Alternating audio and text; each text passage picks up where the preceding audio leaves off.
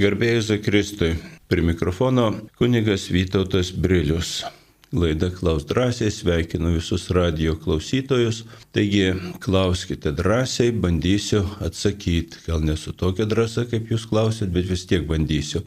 Kol kas turime e, klausimą atsiųstą ir skaitau. Gerbėjusui Kristui, prašau paaiškinti, kai išstatomas švenčiausiasis sakramentas, jį iš tabernakulio kunigas išima ir po to gražina plikomis rankomis, o laiminant kunigui uždedamas rūbas, nežinau kaip jis vadinasi, ir švenčiausias sakramentas imamas jau ranką pridegiant tuo drabužiu. Dėkoju Vitalija. Gerai, Vitalija, kad domitės šitais dalykais, e, to rūbo e, pavadinimas yra labai paprastas. Uždeda kunigui vėliumą. Vėliumas tai nuo e, lotiniško žodžio vėlium, kuris reiškia uždangalą. Ir kaip žinot, vėlimus naudoja ne tik tai ne tik tai liturgijoje, bet taip pat ir pasaulietiniam gyvenime, ir nuotakos per vestuves, ir, ir, ir dar visur kitur. E, čia tiesiog yra dėl iškilmingumo. Dėl iškilmingumo. Ir ne vien tik tai laiminant švenčiausiųjų sakramentų, bet taip pat ir kada švenčiausią sakramentą monstrancijoje, monstrancija, jeigu atsimenat, reiškia e, parodymo arba iškilmingo parodymo e, toks daiktas, kaip jie atrodo monstrancija. Žinot, paprastai panašiai į Saulę su spinduliais ir švenčiausio sakramento ostija viduje. Taigi, kai monstrancija neša procesijos būdu, taip pat užsideda vėliumą. Didįjį ketvirtadienį, kai po šventųjų mišių e, švenčiausias sakramentas išnešamas į garbinimo adoracijos altorių, taip pat e, naudojamas vėliumas, nors e, nešama ne monstrancija, bet nešama komuninė su švenčiausiųjų sakramentu. Taigi čia yra tik dėl iškilmingumo ir šitas rūbas vadinasi vėliumas. Turime, ieškau daugiau klausimų internete. Vardas Aldona, miestas Kaunas, e, kaip suprasti, Magnifikat maldinėlėje rašoma, kad gavėnios sekmadienį iškrenta iš gavėnios laiko, bet kunigų arnotai gavėnios spalvos, violetiniai. Na, E, čia perkeltinė prasme iškrenta iš tikrųjų, tai gavėnios sekmadieniai tikrai priklauso gavėniai ir yra būtent gavėnios laiko skaitiniai, o būtent skaitiniai ir mišių maldos, kurias skaito arba gėda kunigas, tos keičiamos mišių dalys, būtent jos ir, e, ir sudaro tą sekmadienio arba bendrai mišių prasme, duoda temą kažkokią. Ir, ir šios temos yra būtent gavėnios temos, Gavėnios temos tai yra visų pirma atsivertimo ir susitaikymo temos, taip pat pasninko temos, o taip pat Kristaus kančios ir mirties temos. Tai yra pagrindiniai dalykai, į kuriuos žvelgiame gavėnioje. Šitos dalykus gavėnios sekmadieniai iš, išlaiko. Dėl ko jie tarsi iškrinta iš gavėnios laiko? Todėl, kad sekmadienis ar tai būtų gavėnė ar ar bet kuris kitas liturginis laikas. Sekmadienis visada yra iškilmė. Ir dėl to, o iškilmė tai yra džiaugsminga šventė. Dar priminsiu, kad yra e, pagal liturginę, e, liturginius tuos, kaip pasakyti, laipsnius kažkokius.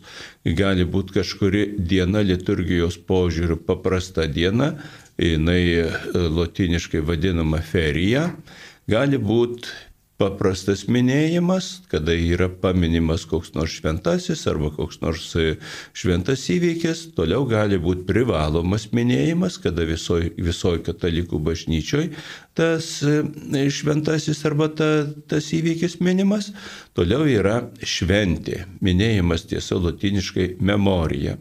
Šventė lotiniškai festum, tai jau didesnis iškilmingumas. Jeigu mišios yra šventės, tai visada yra konkrečiai tos, tos šventės jau paskirti skaitiniai, yra kalbamas arba gėdamas glorija, garbė Dievui aukštybėse.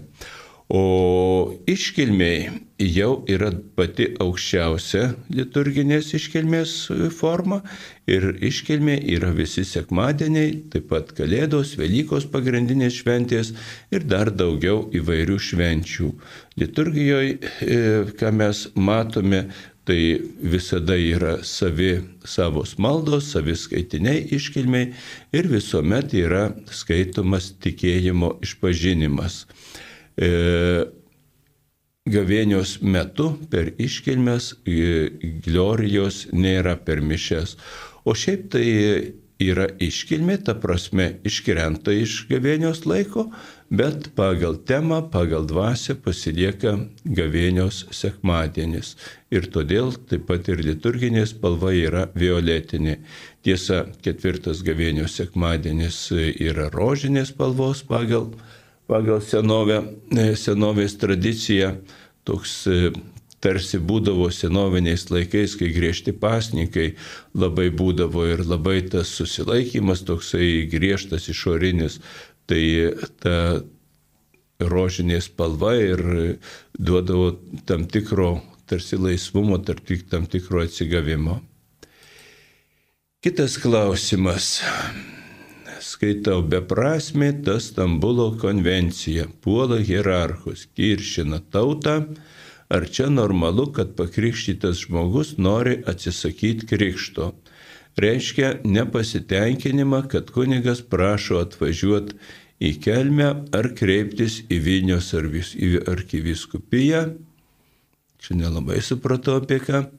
Dar rodo per LNK žinias, čia yra toks sudėtingesnis klausimas, kadangi dabar yra telefonas, e, telefono skambutis, tai aš atsakysiu į telefono skambutį, kad nereikėtų laukti. Ir tada e, grįšim prie šito klausimo. Prašom, sakykite. Laukia du, du dvi klausytojas, tai Irena iš Varenos. Garbėjai, Per amžius Irena. Visi žinom galestingumo paveikslą. Ir dienoraštį skaičiau ir visur aiškina, kad Faustinai buvo apreikšta, kad tas paveikslas turi būti nupieštas pagal jos vai, matytą vaizdą ir būtinai užrašyta Jėzau pasitikiu tavimi. O dabar daugelį bažnyčių matom per televiziją, kad kabo tie paveikslai be užrašų. Va tik pereitą sekmadienį tauragėje mačiau su užrašu paveikslą. Kodėl taip nesilaikoma Jėzaus nurodymo? Paveikslai ir e, apsireiškimai ir kiti dalykai, jie duoda žmogui mintį ir parodo kryptį. Net ir tą pačią kryptimį eidami žmonės gyvenimo kryptimi ypatingai, jeigu geografiškai nebūtinai, bet gyvenimo keli ypatingai, tai jie eina skirtingų būdų. Vienas vienaip, kitas kitaip. Ir pavyzdžiui, pats apreiškimas Faustinai, viso to esmė tai atkreipti į Dievo gailestingumą. Čia mes gaunam kartais taip, sakysim, tarsi iš apačios, tarsi iš žemumų, e, ne iš hierarchų, ne per bažnyčią, bet tarsi iš apačios ateina priminimai kai kuriems dalykams. Bažnyčia ypač tais laikais, kai gyveno šventoji e, Faustina, nors jau buvo labai stipriai e, apdaužyta, apipešiota tų visų e, bedieviškų srovių įvairiausių pareiškimų, revoliucijų, pertvarkų visokių, bet vis tiek dar išliko nepaprastai nepaprastai iškilminga, nepaprastai formali ir buvo labai daug tokių uh, nu, tokių ir griežtų įsakymų, ir, ir taisyklių, ir to iškilmingumo išorinio visokio. Ir pasirodė Jėzus, paprastai vienuoliai, kažkur tuo metu, kas buvo Vilnius. Vilnius buvo Lenkijos užkampis. Tuo metu pasirodė kažkur Lenkijos užkampį vienuoliai ir aprešė, kad Didžiulę svarbą turi paprastas gailestingumas. Ar jūs pasipuošę liturgiškai, ar jūs einat procesijose, ar jūs ten išgyvenat kažkokias tai ekstazės. Tačiau būkite žmonės. Būkite žmonės, nepaisant savo šventumo. Va, į šitą dalyką buvo atkreiptas dėmesys. Į tai, kad Dievas yra visų pirma gailestingas ir kad žmogus yra gailestingas. Nu, kada buvo duota, duota ši, šita žinia šventai Faustinai, kaip turi būti nu, nutapytas Jėzos paveikslas, viskas ten tvarkoja, gražiai nutapytas, laikantis tų dalykų, tačiau ir tie žodžiai Jėzo pasitikiu tavimi. Dabar, kaip jūs sakot, jūs tuos žodžius jau žinot ir jums nereikia, kad būtų parašyta ir jums nereikia rodyti pirštų į tuos dalykus. Būtent žino daugybė žmonių, kad tai yra gailestingumo, e, gailestingumo paveikslas. Na ir yra žinia, kurią skelbia per tą e, per tą gailestingumą, kad mes pasitikim Jėzumi, pasitikim Jėzos gailestingumu. Taip kad e, čia nėra kažkoks prasižengimas ar kas nors, gal net tam tikra prasme džiugina, kad žmonės jau žino, kad pasitikim Jėzumi, nebūtina tą rašyti ir rodyti pirštu. Kitas klausimas. Teklė iš telšių. Garbė Jėzui Kristui. Per amžius. Noriu paklausti, kodėl toks skirtumas ir kudikėlis gimė, visi žinom, kad kudikėlis gimė, reiškia, prakartėliai. Ir jis buvo paguldytas ėdžiuose, suvystytas Juozapas ir jis pagamino tą e, e, ėdžias, reiškia. Ir, ir Marija gimdė be skausmų, tikrai žinau. Ir dar parašyta ir, kad ir Ona Marijos mama gimdė be skausmų, Marija gimdė be skausmų. O kitoj vietoj, ten kaip yra e, Marija, reiškia, dangui vainikuojama, ten yra ta Evangelija, bet aš juos tikrai nežinau dabar akim sargu negali skaityti. Tai Evangelija apie Marijos vainiką. Reiškia, Levinas e, tyko į kūdikėlį, kad jiems reiškia, kad jį prarysi, kad Marija pabėgo ten. Nu taip ir taip toliau jūs žinot tą. tą taip, taip, žinau puikiai. Kodėl toks skirtumas yra? Todėl, kad kalbama apie skirtingus dalykus. E, kalbant apie, apie Jėzos gimimą, e, jeigu mes žiūrim ne į mūsų meistrukų darbus, kur jie pagamina tas prakartėlės bažnyčioje, bet žiūrim į šventą raštą, tai ten parašyta, kad gimė kūdikis ir buvo, ir buvo pagim, e, paguldytas ėdžiose. Ar Marija gimdė be skausmų, šventas raštas nerašo, bet e, yra tokių, tokių ir regėtojų e, apreiškimų, patyrimų ir taip toliau. E, tikėjimui tas dalykas, e, tas dalykas e, mūsų tikėjimui, mūsų religiniam gyvenimui šitas dalykas esmės tokios konkrečios neturi. Tačiau tai tikrai galėjo būti tokia Dievo asmeninė dovana. E, Apreiškimo knygoje, kalbant, kur mes vainik, Marijos vainikavimo, Marijos karalienės šventėje skaitant, kalbama apie, apie bažnyčią, ir, ir apie Mariją kaip bažnyčios motiną. Ir, ir, ir tas visas vaizdas apie tai, kad moteris pagimdė, kad slibinas tykojo, kad buvo išnešta į dykumą, e, visa tai yra apie bažnyčią ir Mariją kaip bažnyčios motiną. Ir tas išnešimas į dykumą atrodo, kad būtų geras dalykas, saugi vieta, Bet dykuma taip pat yra ir, ir, ir žiauri vieta, nei maisto, nei gėrimo ir sunkios sąlygos visokios. Taigi bažnyčia ten yra išnešama, apsaugoma, išmetama iš visuomenės, ten apmąsto, subręsta, ten išsigrynina tikėjimas ir sugrįžta paskui su nauja jėga. Ir Dievo žodis yra nenugalimas. Todėl yra šita, šita reikšmė ir prasme. O bažnyčia, kadangi Marija yra bažnyčios motina, tai bažnyčią galima vadinti ir Marijos kūdikiu. Tai tiek. Kitas klausimas. Petras iš Vilnius. Prašom, Petrai. Garbėjai Zikris. Per amžius. Aš norėčiau tik papildyti gerbiamą kunigą dėl to užrašo ant gailestingojo Jėzaus paveikslo. Kai paveikslas buvo nutapytas, baigtas tapyti, e, kunigas Mykolas Sopočka e, paklausė dar Faustinos, koks turi būti užrašas ant paveikslo, e, nes jis galvoja, kad reikia užrašyti Jėzus gailestingumo karalius. Faustina pasakė, kad Jėzus keletą kartų jai nurodęs, kad turi būti užrašyta Jėzau pasitikiu tavimi dailininkas jau nenorėdamas pertaisinėti paveikslo užrašą užrašė ant lentelės ir ta lentelė buvo pritvirtinta ant paveikslo rėmo. Kai paveikslas grįžo iš Baltarusijos į Šventosios dvasios bažnyčią, klebonas žinodamas, kad turi būti užrašas, bet nežinodamas, kuris turi būti, ranka užrašė ant paveikslo Jėzų ufamtobę. E, kai paveikslas buvo restauruotas, užrašas buvo panaikintas ir dabar jis yra ant gailestingojo Jėzaus paveikslo rėmo, kaip ir buvo pačioje pradžioje. Taigi užrašas tikrai yra, bet kadangi paveikslas yra didelis, iš toli e, ant rėmo jo ne visi, jo ne visi, gali, e, ne visi pastebi.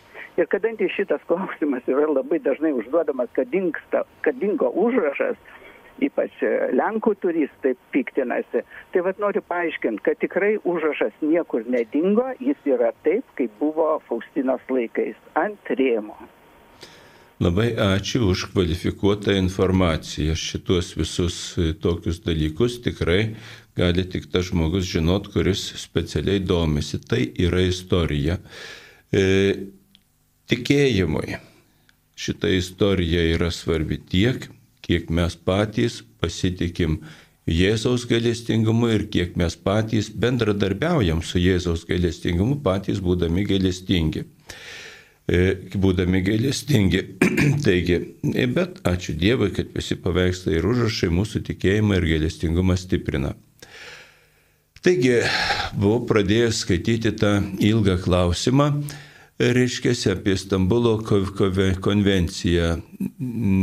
Nepasitenkinama, kad kunigas rodo per žinias, pykdo dorus katalikus, per 35 metus irgi buvo iškrypelių, bet tada viskas buvo atliekama tyliai. Ir aš tik dabar gavau išsiskyrimą per bažnyčią, katalikai ir toliau netylės, nes Lietuva dar neišsigimėlių tauta. Dėkui kunigė Vyto Tabrilį, kad tautai padėt susivokti. Zita iš Šiaulių. Pone Zita, e, Stambulo konvencija, kaip ir daugybė, daugybė dalykų, e, yra nekrikščioniška nekrikščioniška ne tik savo turiniu, bet nekrikščioniška pačia savo dvasia.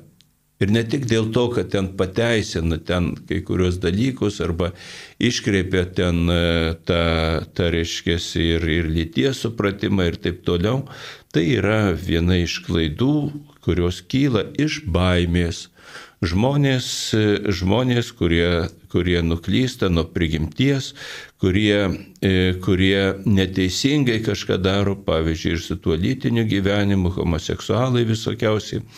Jie e, taip pat yra žmonės ir taip pat jie bijosi Dievo. Ir taip pat jie bijosi žmonių.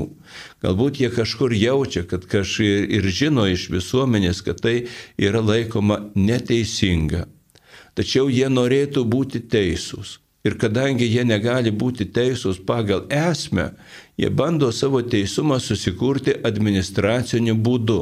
Mes išleisim tokį įstatymą, kad būtume teisūs. Daugybė atvejų taip yra buvę. E, jeigu kažkas nori ten e, išleisti įstatymą, kas gali išleisti įstatymą, nebūtinai nuo to dalyko e, turi būti, yra teisus.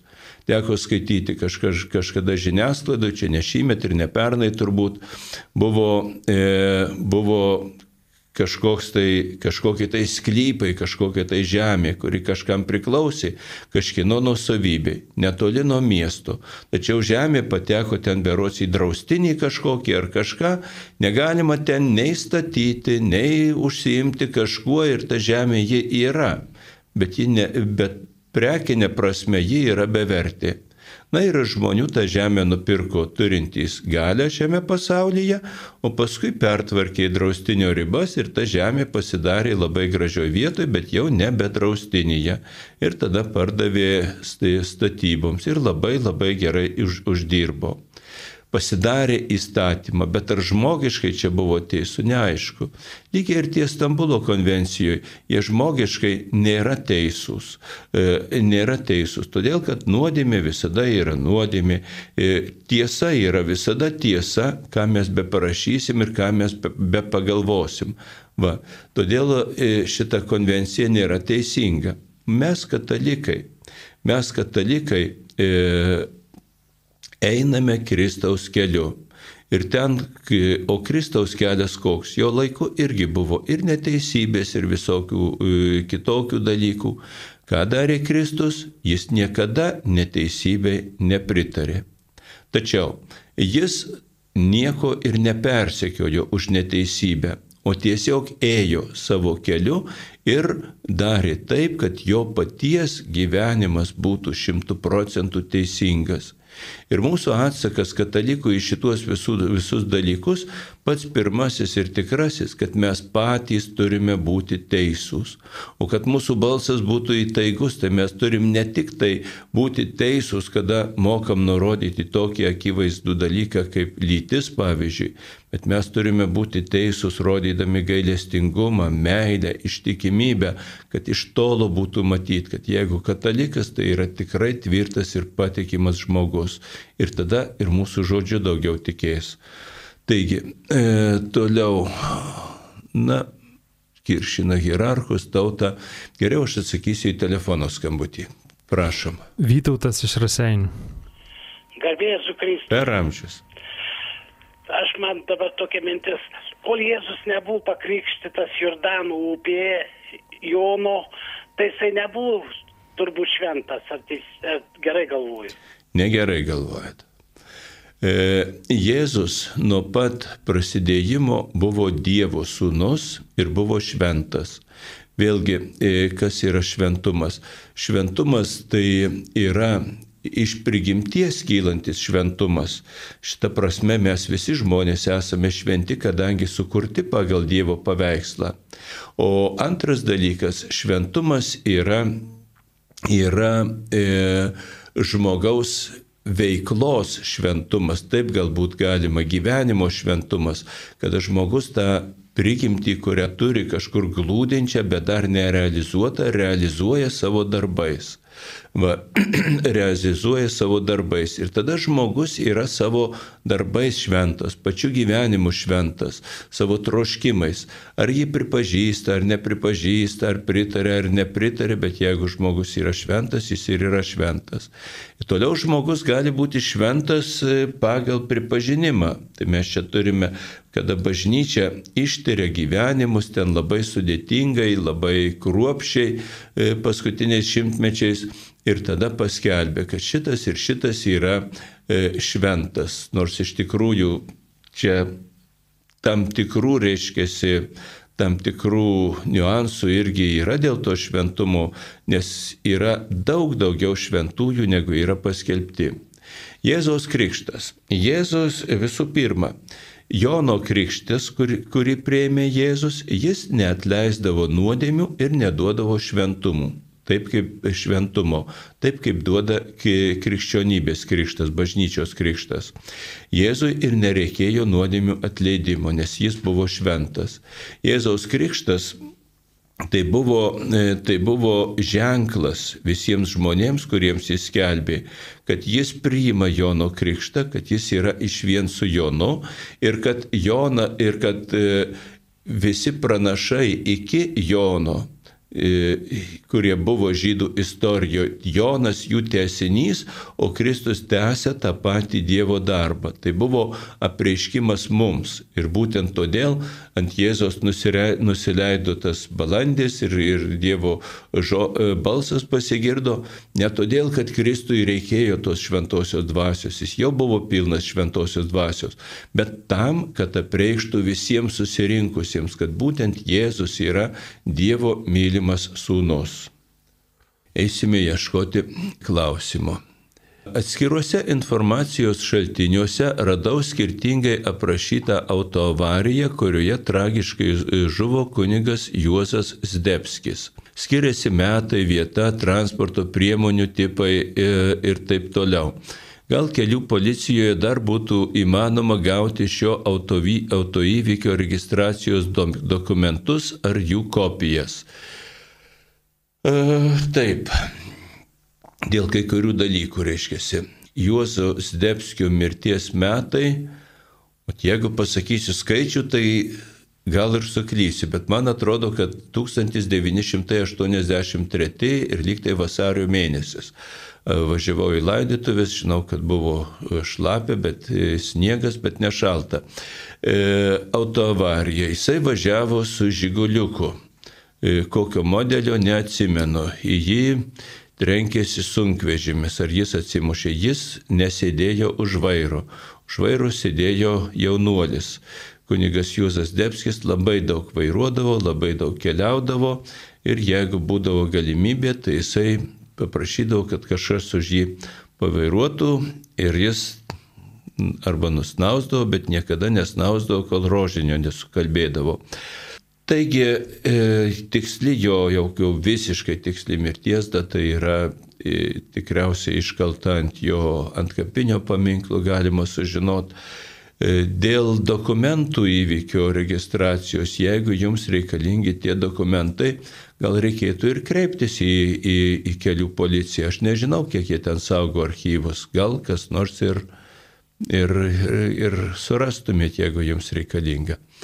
Tai tiek.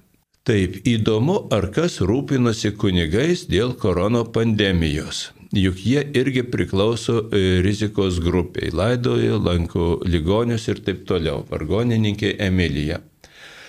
E, kunigais rūpinasi kaip ir visais žmonėmis, o visų pirma, tai jiems duoda informaciją ir duoda taisyklės, kaip reikia saugotis. Kunigai yra visi suaugę, visi atsakingi žmonės, visi laikomi pakankamai protingais ir todėl Todėl, reiškia, laikosi tų priemonių, stengiasi laikytis, kurios apsaugo nuo užsikrėtimo. Jeigu kas susirga, tuos izoliuoja ir gydo. Viskas čia tvarkoj. O dėl laidojimų yra taip pat taisyklės ir dėl ligonių, ir dėl laidojimų, e, kurių laikosi ir kurios maksimaliai apsaugo. Daug dievė, kad greičiau praeitų ta pandemija, daug dievė, kad greičiau visi pasiskiepytų, neišsigandę ir nesureikšminę kažkokiu kvailų dalykų ir tada galėsim visi drąsiai ir laisvai grįžti prie senų praktikų, kada yra daugiau kontaktų, kada ateini prie žmogaus ir matai jo akis. Kitas klausimas. Gerbėjus Kristui. Lasdyjų rajone yra Šlavantų parapija. Ten Zakristijono pareigas eina girtuoklis, išsiskyręs ir paleistuvis. E, tokios kategorijos žmonėms tinka vieta prie altoriaus su klaustuku. Dėkui, Laima. Pone Laima, visų pirma, puiku, kad jums skauda širdį, jeigu bažnyčioje yra kažkas ne taip. Ir šitie dalykai, kuriuos mes matom ir bažnyčioje, ir, ir ne tik bažnyčioje, kur kažkas ne taip, gerai, kad krikščionims rūpi ir todėl atsiranda tie sprendimai.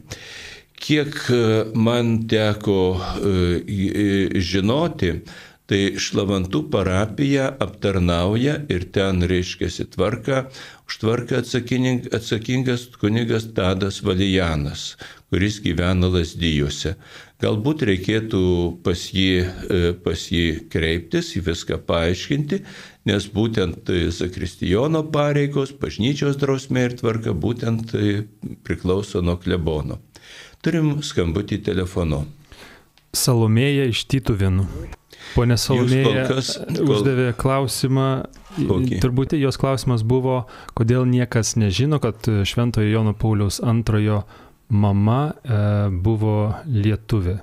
E, apie Jono Pauliaus antrojo lietuviškas šaknis yra surinkta žinių Ir e, geriausia būtų tas žinias e, ieškoti, aišku, jeigu kažkas turi kažkokių pažįstamų, kažkokių liudininkų, kažkokių išlikusių giminių, kurie žino pasakojimus, juos reikėtų surinkti ir juos reikėtų priduoti, aš nežinau, galbūt į viskupiją, kad jie duotų kažkas, bet Jonas Paulius yra labai garsi asmenybė ir yra išleista ne viena jo biografija. Ir būtent e, e, kam svarbu šitie dalykai, kas buvo jo tėvai, seneliai, proseneliai, šitos dalykus gali rasti biografijose. Jų išleista ne viena, aš manau, kad ir lietuviškai turbūt daugiau negu viena yra atspausinta arba išversta lenkų kalba, tai ten jų iš viso daugiau. Ir kam svarbu, gali tikrai sužinoti tuos tikrai ištirtus dalykus. Taip, čia trumpas ir klausimas paprastas. Garbė Jėzui Kristui. Ar dera katalikams praktikuoti jogą?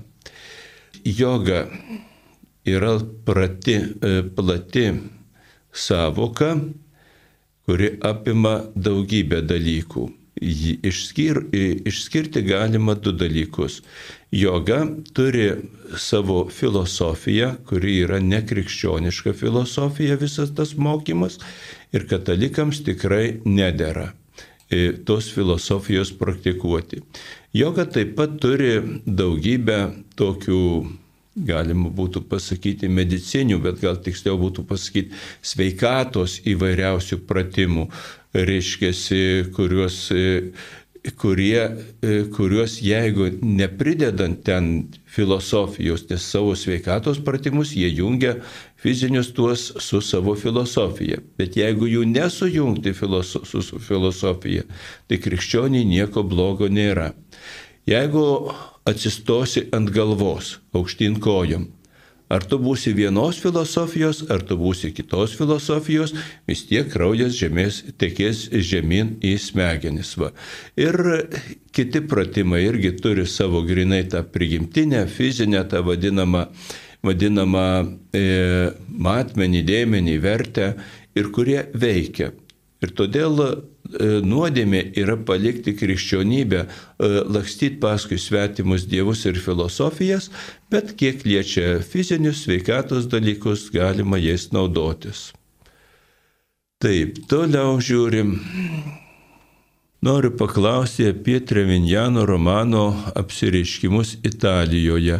Juose kviečiama daug melstis dėl pasaulyje įvyksiančių dalykų. Kokia jūsų nuomonė? E, mano nuomonė yra tokia, aš nežinau, e, kas ten buvo apreikšta Treminjanė, e, kam buvo apreikšta ir kokie dalykai pagal jūsų rašymą kviečia daug melsti dėl pasaulyje įvyksiančių dalykų.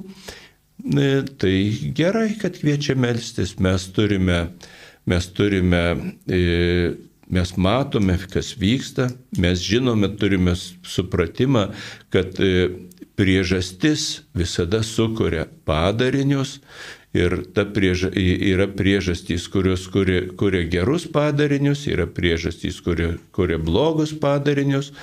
Mes atskiriam kokios priežastys, ką gali sukurti ir todėl melstis, e, kad e, už tuos ateinančius dalykus, kad neatsitiktų kas blogo, melstis, kad šiandien apsaugotų apšviestų žmonės visada reikia.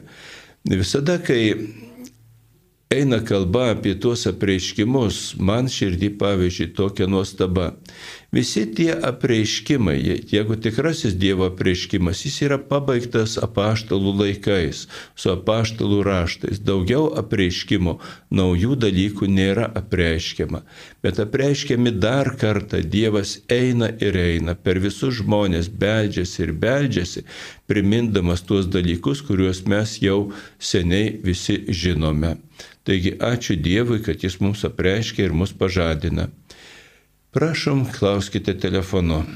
Antanas iš Kelmės. Antanas iš Kelmės.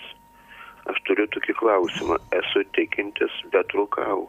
Ir sakykime, jeigu nuo to rūkimo susirgu vėžiu ir paskui mirštu, kur aš einu po mirties. Nu, jūsų kūnas po mirties turėtų būti palaidotas. Gal nežinau. E, tai va. O šiaip nu ką, vienas rūko, kitas keikėsi, trečias dar kada nors. Ir aš rūkiau, man pasisekė e, atsikratyti to įpročio. Gal ir jums pasiseks, gal galite, gal galite susiskaičiuoti, pasidėti dieną, kiek ten cigarečių jums reikia, o paskui per savaitę sumažyti po vieną. Visai galima. Jeigu yra kažkokia įda, reikia su, su ją kovoti. Jeigu jūs e, jaučiat ir matot, yra jau konkretūs povežiai, po, e, požymiai, kad vėžys jau arti, na tai jūs jau rimtai atsakingas už, už, už savo sveikatą ir turite saugotis. Bet e, taip nebūna. Taip nebūna, kad vienas kažkoks dalykas nulemtų viską. Arba kažkoks rūkimas nulemtų tavo amžiną gyvenimą, eisi į dangų arba pragarą, arba kažkokia viena maldelė, kurią kalbėsi arba nekalbėsi, nulemtų dangų arba pragarą. Taip nebūna pats gyvenimas kenkia sveikatai. Taip, juodas humoras toksai, bet, bet yra jame daug tiesos. Dėl to, žinot, stenkitės gyventi švariau, jeigu su rūkimu tai sunku, sunku susitvarkyti. Bandykit kitais būdais, kažkokiu įvaikščiojimu, šviesiam orą, sportavimu, teisingu valgymu, kitus savęs stiprinti. Bandykit kovoti su viskuo, kas kenkia ir taupyti, vertinti Dievo duotą gyvenimą. Tai va, čia tesinys, nežinau, kur vadovai turėtų stoti Dievo pusėn ir siekti teisingumo vykdant Dievo valią. Tas yra tiesa. Tas yra tiesa. Ir tarp kitko, vadovai yra ne tik mūsų bažnyčios hierarchai, kunigai, ne tik tai tikėjimo mokytojai, ne vien tik tai valdininkai, ten turtuoliai ir taip toliau. Kiekvienas iš mūsų turime kažkam tam tikros valdžios - formalios, neformalios, tiesioginės, netiesioginės, kažką galim paveikti, kažką galim pakeisti. Ir turim atsakomybę kad mes savo valdžią naudotume ne e, kažkaip tai grubiai, nežmoniškai, bet mes naudotume su, va, e, su meile ir tai, kas yra atiduota į mūsų valią, kad tie dalykai auktų, auktų, prisipildytų šviesos ir neštų kažkokio gėrio. Jeigu mes tik tai stengiamės kažką išmešti, kažką išnaudoti, kažką gainioti, kas ten bebūtų, net ir šuniuką savo, tai iš to jokios naudos nėra. Bet jeigu mes stengiamės, kad kas yra mūsų rankose, klestėtų ir nuo mūsų rankų sklistų gėris, už tai mes esame atsakyti. Taip, kitas klausimas. Paaiškinkit, prašau. Ai, atsiprašau, yra klausimas telefonu. Stasys iš Vilniaus. Prašau. Artėjančiam dalykom. Su artėjančia. Ačiū ir jūs. Kovo. O moteris su artėjančia kovo 8. E, per mūsų žiniasklaidą, berots per kažkuria tai nacionalinę radio stotį, ar tai klasika, ar tai LRT radijas, girdėjau tokią informaciją, kad druskininkos į bažnyčią leidžiama atsivesti šunis. Į kurias bažnyčias leidžiama, į kurias neleidžiama. Ir manyčiau, kad jeigu Jonas gali atsivesti šunį, tai aš galbūt galiu atsivesti arklį, ar ten ošką, ar ten kokį nors e, šitą visą katiną. E, nu, man atrodo, kad čia ne ta vieta, kur galima atsivesti šunis, nes jie ten ir loja, ir... Na nu, taip, supratau, ir loja, ir kakoja, ir taip toliau, ir taip toliau. Šuniukas yra šuniukas, jis yra nuoširdus ir paprastas, ką jam reikia, tą jis ir daro. Va, nu, žinot, šitas dalykas yra, pasakyčiau taip, klausimas apie pagarbą Dievui ir pagarbą šventai vietai. Pagarbos ženklai jie yra savo prigimtimi kultūriniai dalykai. Kultūriniai dalykai. Aš, pavyzdžiui, taip pat išauklėtas ir užaugęs tokiai kultūroje, kad aš, pavyzdžiui, manau, kad bažnyčia ir tvartas yra skirtingi dalykai. Gyvuliai laikomi tvartė, o, o į bažnyčią eina žmonės. Ir tai ateina žmonės ne, ne, ne šiaip su, ne iš tvarto išbridę, reiškia, bet, bet, bet švariai apsirengę ir, ir, ir, ir pakankamai iškilmingai, ir ne taip kaip iš pležo, ir ne taip kaip iš lovos išlipę. Viskas dėl pagarbos. E, dėl ko aš, pavyzdžiui, myliu gyvūnus ir aš tikrai norėčiau, norėčiau, norėčiau, jeigu būtų galimybės, pavyzdžiui, turėti kažkokį šuniuką. Bet vėlgi, mano pavyzdžiui, kultūra ir išsilavinimas neleidžia man dabar turėti, nes aš neturiu savo kiemo. O gyventi vienam kambarį su gyvuliu, aš tiesiog nenoriu, man būtų bjauru. Nors tas gyvuliukas labai geras ir aš, jį, ir, ir aš jį mylėčiau, bet aš nenoriu gyventi su gyvuliu. Ir aš tikrai nenoriu matyti gyvulių bažnyčių, tikrai nenoriu matyti ir daug kas nenori. Ir e, pats savaime dalykas nėra tokio apreiškimo, nėra nei Dievo, nei bažnyčios įstatymo tokio, ką ten galima vest, ko negalima. Ir kunigas žiūri, kaip ten geriau atrodo kaip ten, kaip ten jam geriau atrodo. Ir kartais, kartais kunigas, aš nežinau, gal ten konkrečioj vietoj, sakysim, Vilniui prieš kalėdas, ten per kalėdas būna gyvuliai bažnyčioje vienoj, ten kažkur druškinikose, gal nori daugiau žmonių pritraukti, gal nori, kad kas nors ateitų, bet, nu, vėlgi žinot, Geriau, kad tas tikintysis ateitų į bažnyčią paskui Kristų, paskui klebono žodį, bet ne paskui savo šuniuką. Bet jau kaip yra, taip yra, ką padarysi. E, aš tikiu, tikrai tikiu, kad kunigai, kurie tokius dalykus leidžia ir, ir priima savo bažnyčioje, jie tą daro dėl žmonių dvasinio gėrio. Bet čia irgi dar vienas dalykas, kuris mums visiems ir kiekvienams yra svarbus. ar siekdami kažkokio tai gėrio, mes kartais nesukuriam ir blogio arba nepatogumo kitiems. Atsiminkim Jėzaus e, pamokymą. E, vienam pavyzdį sako, priaugo tarp kviečių, laukia užaugo raugių, pikžolių. Ir gerieji tarnai sako, davai mes eisim ir išrausim tas pikžolės visas, čia priešas jų prisėjo. Sako, palaukit, jūs kada eisite raugių naikinti, jūs išmindžiosite kviečius visus. Palaukite, palikite, ateis laikas.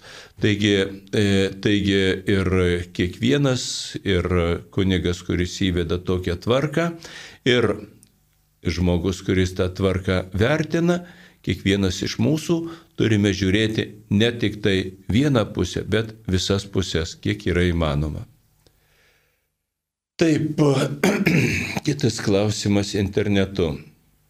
Paaiškinkit, prašau, ar Marija galėjo atsisakyti tapti Kristaus motina, jeigu ji buvo pradėta be gimtosios nuodėmės. Ir tai reiškia, ji buvo paskirta nuo kūdikystės tapti Jėzaus motina. Jeigu ji būtų nenuolanki ir atsisakius, tai ar dar buvo be gimtosios nuodėmės pradėtų mergelių? Nu, Gimtoji nuodėmė tai ne koks nors koronavirusas, kurį patikrintum, ar jis buvo, ar jis nebuvo. Va, e, ir todėl šitą dalyką patikrinti, e, patikrinti turbūt neįmanoma. E, klausimas teorinis grinai toksai, kas būtų, jeigu būtų. Gerai, pasižiūrėkim, ką reiškia gimtoji nuodėmė ir jos nebuvimas. E, gimtąją nuodėmę turime kiekvienas ir ją atsinešam e, gimdami. Atrodytų, kad mes gimstantis vaikelis ne vienos nuodėmės nėra padaręs. Taip, jis nėra padaręs, bet jis turi polinkį daryti nuodėmės. Visi mes turime polinkį e, blogiui, bet ne gėriui. Ta galima e, pamatyti iš labai paprasto dalyko. Jeigu norime padaryti kažką gero, būti dorais žmonėmis, reikia specialiai stengtis. Jeigu norime būti blogais žmonėmis, galima tiesiog nieko negalvoti, nieko nesistengti, daryti kaip išeina savaime, tada tikrai nieko gero nebus. Va. Bet jeigu nori kažką doro padaryti, reikia specialiai dėl to stengtis. Ir tai reiškia, kad žmogus yra palinkęs į blogį. Ir tai yra jo nuodėmė. E, būti be gimtosios nuodėmės gal ten yra ir daugiau kokių dalykų, bet išoriškai tas dalykas yra toks, reiškia, neturėti polinkio į nuodėmę, neturėti patraukimo į nuodėmę. Taigi Marija buvo išvaduota nuo gimtosios nuodėmės ir to polinkio neturėjo, nebuvo kalta. Marija e, Dievo planuose buvo laisvas žmogus. Ir laisvą valią jis tenkėsi vykdyti Dievo valią, kadangi ji Dievą mylėjo, turėjo tikėjimą. E, ji be abejo galėjo atsisakyti tapti Dievo motina arba dėl kažkokių blogų dalykų ten, nu taip įsivaizduokim tokią e, pasakėlę, tokią sudėliokim, galėjo iš tingėjimo nenorėti, ką čia dabar man užsiimti, galėjo iš baimės, iš kuklumo, iš ko nors, ne aš nepriimsiu, man čia yra per daug, čia būtų iš per didelio šventumo. Va. Ir Dievas vis tiek savo valią įvykdytų. Jeigu sakysim, jeigu sakysim, kiekvienas žmogus gauna Dievo malonę, mes gaunam tikėjimą, bažnyčios mokymą, dalį Dievo dovanų mes priimam, dalį Dievo valios įvykdom, o kitos dalies neįvykdom, dovanas atmetam. Bet Dievas vis tiek veda savo bažnyčią ir veda mus į priekį. Ir todėl, jeigu tai būtų, kad Marija būtų neprieimus šitos malonės, Dievui tikrai nebūtų problemos e, e, pakviesti kitą mergelę, apsaugoti kitą žmogų nuo gimtosios nuodėmės ir vis tiek įvykdyti savo planus. Dievo planų ne, ne, nesutrukdo niekas. Ir ta, tas visas eina per Seną testamentą ir per Kristaus gyvenimą. Rodos tikrai neturi taip būti, kad tai įvyktų. Ir Kristus buvo nužudytas ir tikėjimas nuo pirmos dienos persekiojimas, o išsivystė krikščionybė yra ir bus. Taip kad Dievo planai vis tiek būtų įvykę, o Marija tikrai buvo laisvas žmogus. Kitas klausimas. Norėjau užsakyti mišių metu įrašant ant ekrano intenciją Lietuva be Stambulo konvencijos. Klebonas atsisakė, pasirašė dalę. Klebonas tikriausiai turėjo priežasčių, dėl kurių atsisakė. Gal jam atrodė, kad, kad e, ta intencija ne, netinkamai suformuoluota, gal jam atrodė, kad, kad atsiras nepatenkintų, gal nenorėjo didelio triukšmo kokio nors ar taip toliau. Šiaip jau, jeigu, jeigu kokia nors e, inten, gali būti gera intencija, bet gali būti neskelbtina visiems. Jeigu kartais atsitinka taip, kad jūsų intencijos nenori paskelbti, tai tada galima paprašyti, kad užrašytų aukotojo intenciją, o tą intenciją savo širdyje tiesiog pasakysite Dievui. Toliau. Mišiuose skaitomos Evangelijos, homilijos, kurių turinys nutikimai su Jėzum Kristum, jo mokiniais ir kitais šventaisiais prieš 2000 metų. Kartais pasakojama apie tokius nutikimus, ypač susijusius su nužudimais, nepaslaptis, gali būti žalingi vaikams. Kodėl homilijos ir Evangelijos dar nepripažįsta mums artimesnių šventųjų, kurie išventinti šiais laikais kaip antai ponas e, popiežius Jonas Paulius II, sesuo Faustina ir pagaliau Lietuva turi palaimintojų. Palaimintųjų. E, taip, pirmiausiai, Evangelijos tai yra Dievo žodis. Tai yra šventosios dvasios įkvėpti tekstai, kurie užrašyti žmogiškųjų autorių. E, Dievo žodis. O homilija tai tikrąją prasme, nuosavąją prasme. Tai yra to Dievo žodžio aiškinimas tikintiesiems, kuris kelbė kunigas. E, kalbant apie Dievo žodį. Dievo žodis yra užrašytas šventajame rašte. Šventasis raštas turi e, du didelius knygų rinkinius. Senąjį testamentą, tai yra knygos užrašytos prieš Kristų, ir Naująjį testamentą, knygos užrašytos po Kristaus. Ir Senajame ir Naujajame testamente e, tie tekstai yra rašyti žmonių, tarp kitko daugybę atvejų žmonės net supratimo neturėjo, kad jie rašo šventą įraštą ir kad tai yra įkvepta šventosios dvasios. Jie tiesiog rašė, kas jiems širdies liepė. Jie nežinojo, kad dabar šventoji dvasia man kalba į, į, į širdį. Užrašė tuos žodžius. Ir turime konkrečius labai tekstus. Tuo tie tekstai turi istorinę prasme, tai yra kalbant apie įvykius, kurie buvo Jie gali būti užrašyti didesniu ar mažesniu tikslumu.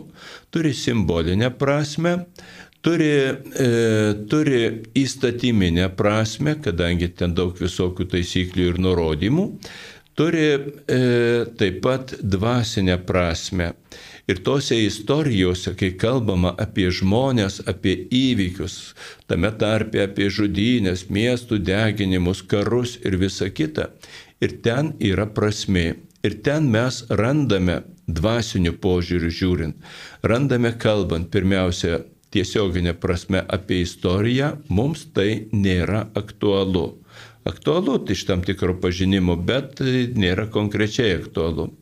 E, e, kalbama apie istoriją. Toliau kalbama apie ne šiaip istoriją, bet kiekvienas įvykis yra Dievo tautos istorija. O Dievo tautos istorija tai yra apie tai, kaip Dievas vedė savo tautą į savęs pažinimą ir į savęs meilę. Kaip Dievas vis rodė ir, ir rodė save, iš tikrųjų turėdamas tą vieną tik tai tokį prašymą, kvietimą, kad žmonės pažinkite mane ir mylėkite mane. Ir todėl mes galime ten atrasti, kaip Dievas skelbė save, kvietė, kad jį pamiltų ir koks buvo atsakymas žydų tautos ir šventos bažnyčios. Todėl visi tie įvykiai yra apie išrinktąją tautą ir apie katalikų bažnyčią. Ir taip pat mes galime rasti kiekvienas galime rasti savęs istoriją tuose dalykuose. Galime atrasti panašių situacijų, moralinių, kurios, kurios, kurios e, atsitinka ir su mumis ir pasimokyti patys asmeniškai ir keisti savo gyvenimą. E, šventųjų gyvenimai, šventųjų gyvenimai, kurie nepriklauso šventajam raštui, taip, taip, pat tarp kitko ir šventųjų visokie raštai, kuriuos jie paliko, tai jau yra kita istorija. Tai yra istorija apie tai, kaip suprantamas, įgyvendinamas Dievo žodis realiame gyvenime. O šventieji tai yra tie, kurie daugiausiai pasiekia, toliausiai nuėję tuo šventųjų keliu. Mums, mūsų laikams artimesni šventieji e, yra mums lengviau suprantami, suvokiami ir mes galime daugiau pasimokyti, kaip priimti visokius dalykus. Ir, sakysim, e, paminėtas čia šventas, šventasis Jonas Paulius II, va, mes aišku nepasimokysim iš jo, kaip reikia popiežiauti, nes ne vienas iš mūsų klausytojų nebusim popiežium. Va, bet galim pasimokyti, kaip galima sutikti komunistinius laikus, kaip galima išsaugoti tikėjimą persekiojimo metais, kaip galima e, tikėjimo dvasioje rašyti literatūrinius kūrinius ir daugybę, daugybę dalykų, kaip su žmonėmis susitikti, kaip Pauliui, Jonui Pauliui rūpėjo visi žmonės, kaip jis juos mylėjo, kaip jis gerbė gerbė kiekvieną tautą ir jos papročius, daugybė dalykų, į kuriuos taip pat galime pasimokyti ir mes. Tačiau šventasis raštas, tos Senojo ir Naujojo testamento knygos, jos pasiliks visada. Kitas klausimas, kodėl komunistiniai Kinijoje pavyko įveikti COVID-19 ir kodėl mūsų kabutėse nuskurdusi bažnyčia prašo pinigų ne iš Dievo, o iš tikinčiųjų. Taip, e, reiškia, šitaip. Čia klausimas, tiesą sakant, per daug paprastas ir aiškus. Mes nežinom, ar Kinijoje nugalėtas COVID. -as. Atrodo, kad dar nenugalėtas, ten dar tebesilaikoma priemonių, ten dar yra užkrato žydinių ir ten yra problemų daug didesnių negu mūsų e, krašte, jau vien dėl to, kad e, ten yra labai didelis gyventojų tank, e, e, tankumas. Dabar kodėl bažnyčia prašo pinigų, reiškia, ne iš Dievo, o iš tikinčiųjų. Turėkime minti, kad bažnyčia tai yra tikinčiųjų bendruomenė. Ir todėl, reiškia, bažnyčia, bažnyčia e, esame visi mes ir tie, iš kurių kaip jūs rašote, yra prašoma pinigų. Taip kad jeigu jūs esate bažnyčios narys, tai reiškia ir jūsų piniginė gali, galima skaityti bažnyčios piniginę. Nu, čia toksai, kiek jums rūpi bažnyčia, tiek jūs, pa, tiek jūs paremėt. Lygiai taip, kaip šeimoje pinigų prašo vyras iš žmonos, žmona iš vyro, vaikai iš tėvų, tėvai iš vaikų ir taip toliau, taip ir čia žiūrim bendrų reikalų ir vieni kitiem padedam. Yra telefono skambutis. Aldona iš Vaišvydavos. Prašom, Aldona. Garbėsiu Kristui. Per amžius. Mes vis tiek visi mirsime ir yra parašyta maldaknygai, kad reikia prieiti devynis pirmus penktadienius Jėzaus širdį iš pažinties. O dabar bus pirmas dėl laimingos mirties. O dabar bus pirmas penktadienis, balandį, didysis penktadienis. Tai ar bus galima prieiti iš pažinties ir kada, nes šis didysis penktadienis ten kitaip vyksta. Dabar e, gerai, e, pirmieji penktadieniai. Pirmieji penktadieniai e, šita praktika plačiai praktikuojama ir seniai praktikuojama, jau turbūt virš šimto ar apie du šimtus metų gal net gali būti, bet gal ir nebus dviejų šimtų metų. E, ji ateina iš privačių apreiškimų, iš privataus apreiškimo. Jeigu nekrystų, bijau klystu, už tai ne, nesakysiu vardo, nes kažkur širdis jaučia, bet tiksliai neatsimenu. Taigi, tai yra Dievo Kristaus Jėzaus pažadas, kas atliks pirmus penktadienius, e, atliks išpažinti, priims komuniją, devynis penktadienius išėlės, šalia kitų dalykų, reiškia, po mirties bus atleistas nuo skaistyklos kančių ir priimtas į dangų tiesiai. Dar ten yra daugybė kitų malonių, kurios yra žadomos ši, pagal šitą praktiką. E, šita praktika nėra e, bažnyčios e, pripažinta, įteisinta oficialiai. Ir bažnyčia savo nuomonės, ar tikrai tai bus, ar taip nebus, bažnyčia savo nuomonės oficialiai nėra pareiškusi. Tačiau bažnyčia priima šitą praktiką ir ją skatina, kadangi tai labai gera praktika ir be abejo veda į Dievo malonės. Ir e, kad bažnyčia oficialiai nepripažįsta e, savo tiesą, tai dar nereiškia, kad tų malonių nebūtų. Todėl tikrai verta, reikalinga, be galo naudinga tuos penktadienius atlikti. E, didysis penktadienis. Didįjį penktadienį ir šeštadienį yra, taip pat ir ketvirtadienį, truputį mažiau, yra e, draudžiamas e, visų sakramentų, beveik visų sakramentų praktikavimas, e, teikimas išskyrus sutaikinimo sakramentą. Taip, kad didįjį penktadienį išpažinti atlikti galima. Kada ir kaip galima, jau čia konkrečioje vietoje reikia žiūrėti, kur yra galimybė. Tarp kitko, tarp kitko yra kai kurie skirtingi požiūriai. Kai kurie e, požiūriai, pavyzdžiui, kada aš dirbau Kauno viskupijoje, ten e, buvo toksai skatinimas iš viskupų ir palaikymas pamokymas, kad tikintieji, e, kad kunigai didįjį penktadienį, didįjį šeštadienį, pagal galimybės ketvirtadienį, visą dieną sėdėtų klausykloje arba ne, ne klausykloje, bet užtikrintų visą dieną bažnyčioje progą atlikti išpažinti. E, e, tiems, kurie nori atlikti Velykinę išpažinti, labai gera galimybė tikintiesiems.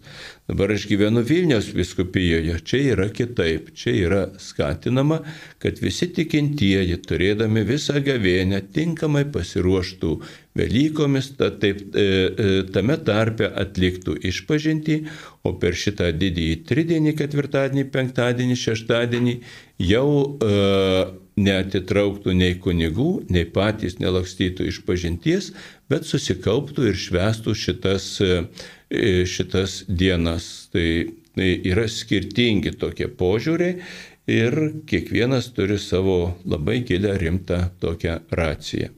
Taigi, dabar padarysime pertraukėlę, susikaupkime, paklausykime muzikos. Tęsime mūsų laidą. Čia kunigas Vytautas Brilius atsakinėjo jūsų klausimus. Dabar atsakau į klausimą, kurią gavome žinute ar internetu. E, iš Klaipėdos Rima klausia, Gerbėjai Kristui, jei palaikau Stambulo konvenciją, ar turėčiau tai išpažinti per išpažinti? Klausimas galbūt įdomus, galbūt ir net daugiau sakantis, negu norėtų paklausti. Jeigu jūs išpažintumėte per išpažinti, kad turite tokią nuodėmę, kadangi pripažįstate Stambulo konvenciją. Reiškia, jūs šitą palaikymą konvencijos pripažinot kaip nuodėmę, reiškia, jūs norit šitos nuodėmės išsižadėti ir daugiau jos neišpažinti, todėl ateinat iš pažinties ir išpažįstat. Čia yra penkios atgalos dalys, ne tik išpažinti nuodėmės, bet jų atsisakyti ir jų, iš jų taisytis. Taigi jau būtų gerai, jeigu jūs pasiryžusi atlikti išpažinti ir daugiau e, šitos konvencijos nepripažįsti, nepripažinti. Bažnyčia yra prieš Stambulo konvenciją. Šiuo metu jūsų e, nuostata, jūsų nuomonė, manimas yra skirtingas nuo bažnyčios arba priešingas bažnyčios nuomonė. Tokiu atveju jums e, reikėtų išsiaiškinti šitą klausimą su išmanančiais žmonėmis, gal su savo parapijos kunigu pasišnekėti, gal šiaip pasižiūrėti rimtai, e, kuo yra argumentuojama, kur tos konvencijos blogės ir kodėl kodėl ji yra netinkama. Taip, ir kada šitą visą suvoksit, jeigu ten kažkur esate platinus tą nuomonę, skatinus už tą konvenciją, tai galite pasisakyti per išpažinti. Kitas klausimas Teresė iš Kauno. Kodėl taip skiriasi Senojo ir Naujojo testamento Dievas? Senojo testamento žmonės žudo priešus su Dievo pagalba, Pavyzdžiui, Judita, net pats Mozė užmušęs egiptietį, o naujojo testamento žmonės kviečiami už viską atleisti, mylėti priešus ir melstis už persekiojitus. Juk Dievas tas pats. Dievas tikrai yra tas pats. Ir Senas ir Naujas testamentas iš tiesų mes galime surasti, e, surasti nepaprastą Dievo meilę. Nepaprastą Dievo meilę ir atlaidumą.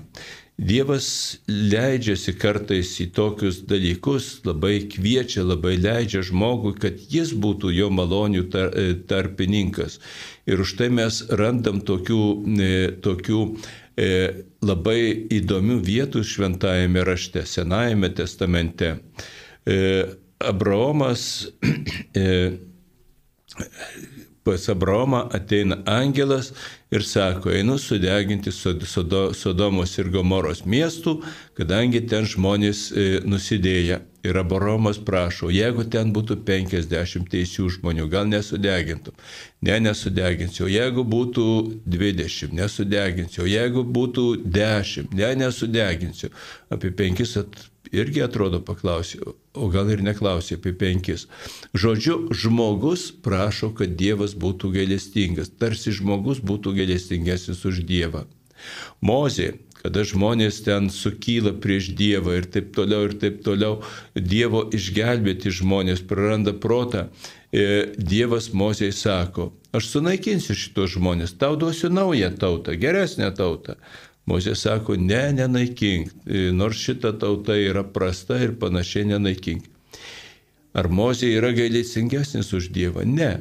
Dievas Dievas rodo, Dievas nebėga nuo pasaulio, Dievas parodo, koks pasaulis yra žiaurus, bet Dievas visada rodo, kad jis yra teisi, tai tiesos pusėje, kad jis yra gailestingumo pusėje, kad jis yra gyvenimo pusėje. Ir šituos dalykus reikia matyti, bet ne vien tik tai, ne vien tik tai tuos sunkius dalykus, o kad yra aprašomi tai, kas vyko pasaulyje, kaip buvo žudoma, kaip trūko gailestingumo, meilės, malonės ir taip toliau. Ir dabar šitų dalykų labai trūksta. Mes turime juos matyti. Krikščionis tai yra realistas.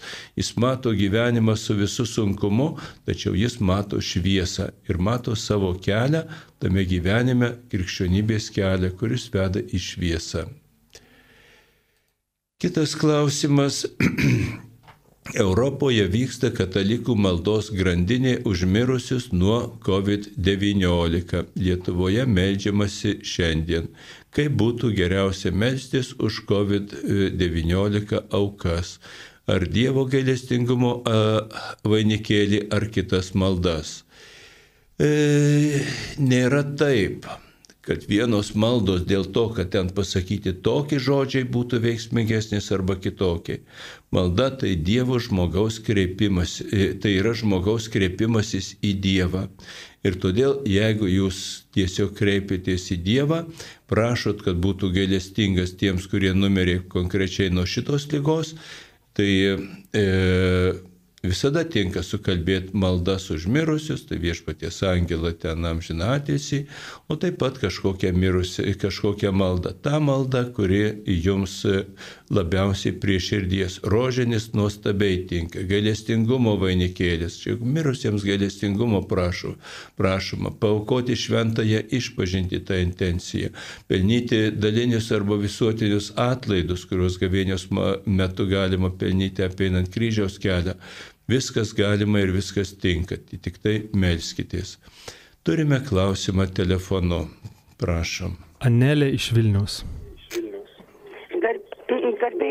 Per amžius.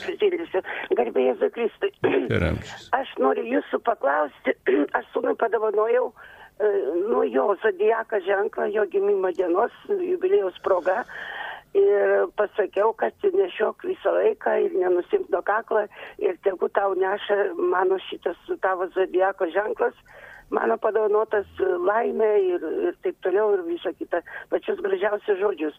Bet čia, kas seniau čia esu klaususi pas kunigą, o klaus drąsiai sakė, kad negalima nešioti. Aš dabar noriu paklausti, a kodėl tada negalima? Todėl, kad tai yra e, nekrikščioniškas ženklas, tai yra stabmeldiškas ženklas, e, tai yra e, ir Kristaus, ir Senojo testamento, ir bažnyčios mokymo atmesti dalykai. Tai yra krikščionybė priešingi dalykai. Ir jums reikėtų apsispręsti, kokį Dievą jūs pasirinkat. Jeigu jūs, reiškia, pasirinkat krikščionybę, tai jūs garbinat krikščionių Dievą, švenčiausiai trejybę ir laikotės, laikotės bažnyčios praktikų ir, ir medžiat šventuosius užtarimo. Jeigu jūs perėsit į, į pagonybę, tai jūs tada naudositės zodijakais, visokiais ženklais, burtais ir eisit, reiškia, patarimo pas šamaną. Turime dar kitą klausimą. Rimantas iš Kauno. Prašom. Trumpai paaiškinkite, kas tai yra Dievas, susipratimas. Kas tai yra Dievas?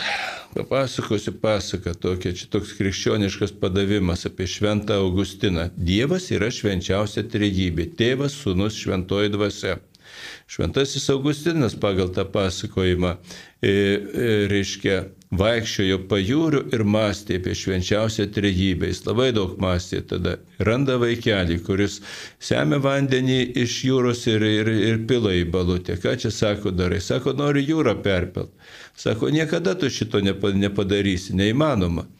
Tai sako, o, o, o tu galvoji, kad, kad, kad suprasi Dievo švenčiausios trejybės paslapti. Lengviau jūrą persėp, negu Dievą suprast.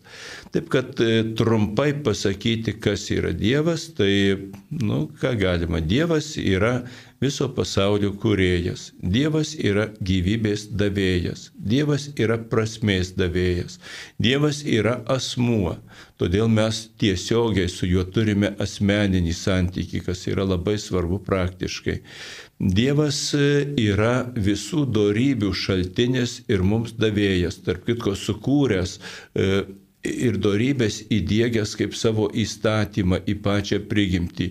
Tai yra kantrybė, išmintis, teisingumas, meilė ir, ir daugybė kitų dalykų. Tai apie Dievą galima kalbėti be galo, bet trumpai gal tiek ir užteks. Turim skambutį, prašom. Liongina iš Žarėnų. Prašom, Liongina, kalbėkit.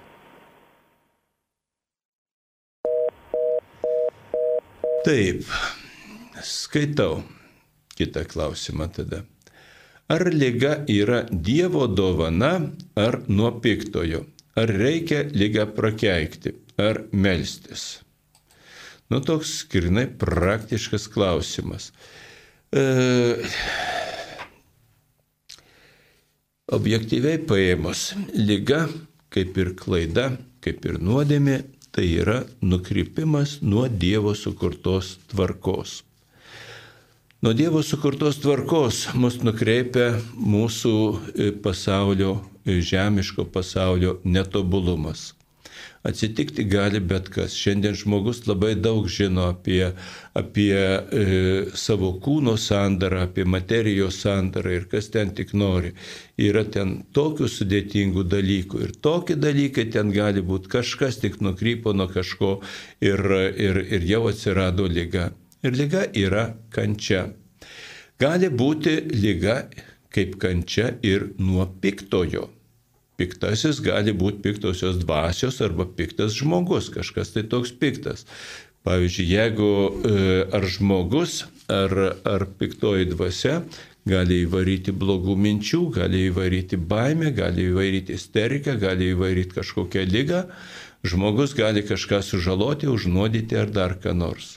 Va.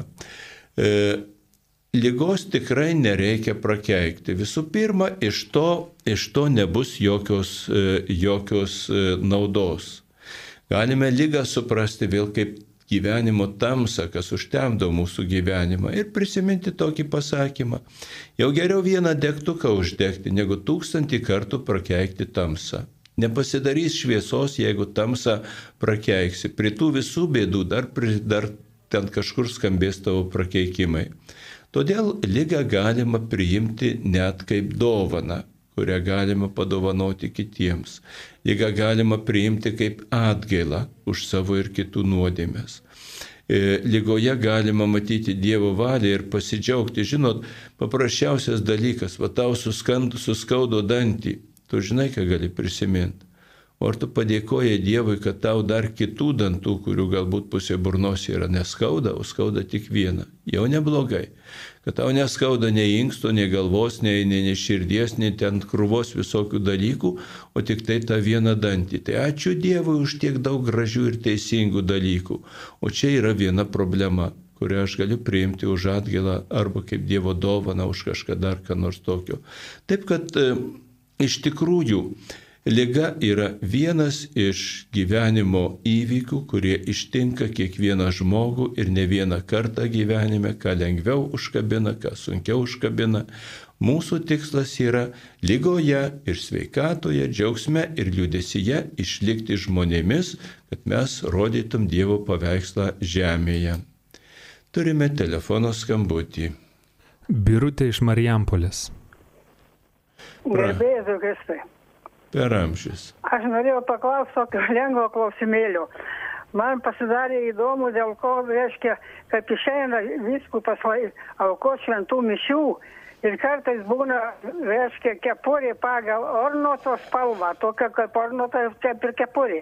O kartais kepurė visiškai skirtingai, gal jinai ir kitaip vadinasi, bet aš ne, nežinau jos kaip kitaip. Nu, žodžiu, ką tai reiškia, kad tai reiškia, ne, būna ne, ne visada vienodai pagal ornotą ir kepurės spalvą. Taip, pirmiausia pasakysiu, kad jūs praleidot vieną dalyką. Vyskupas mišioms išeina su dviem kepurėm. Viena e, didelė iš tolo matoma, jie vadinama mitra.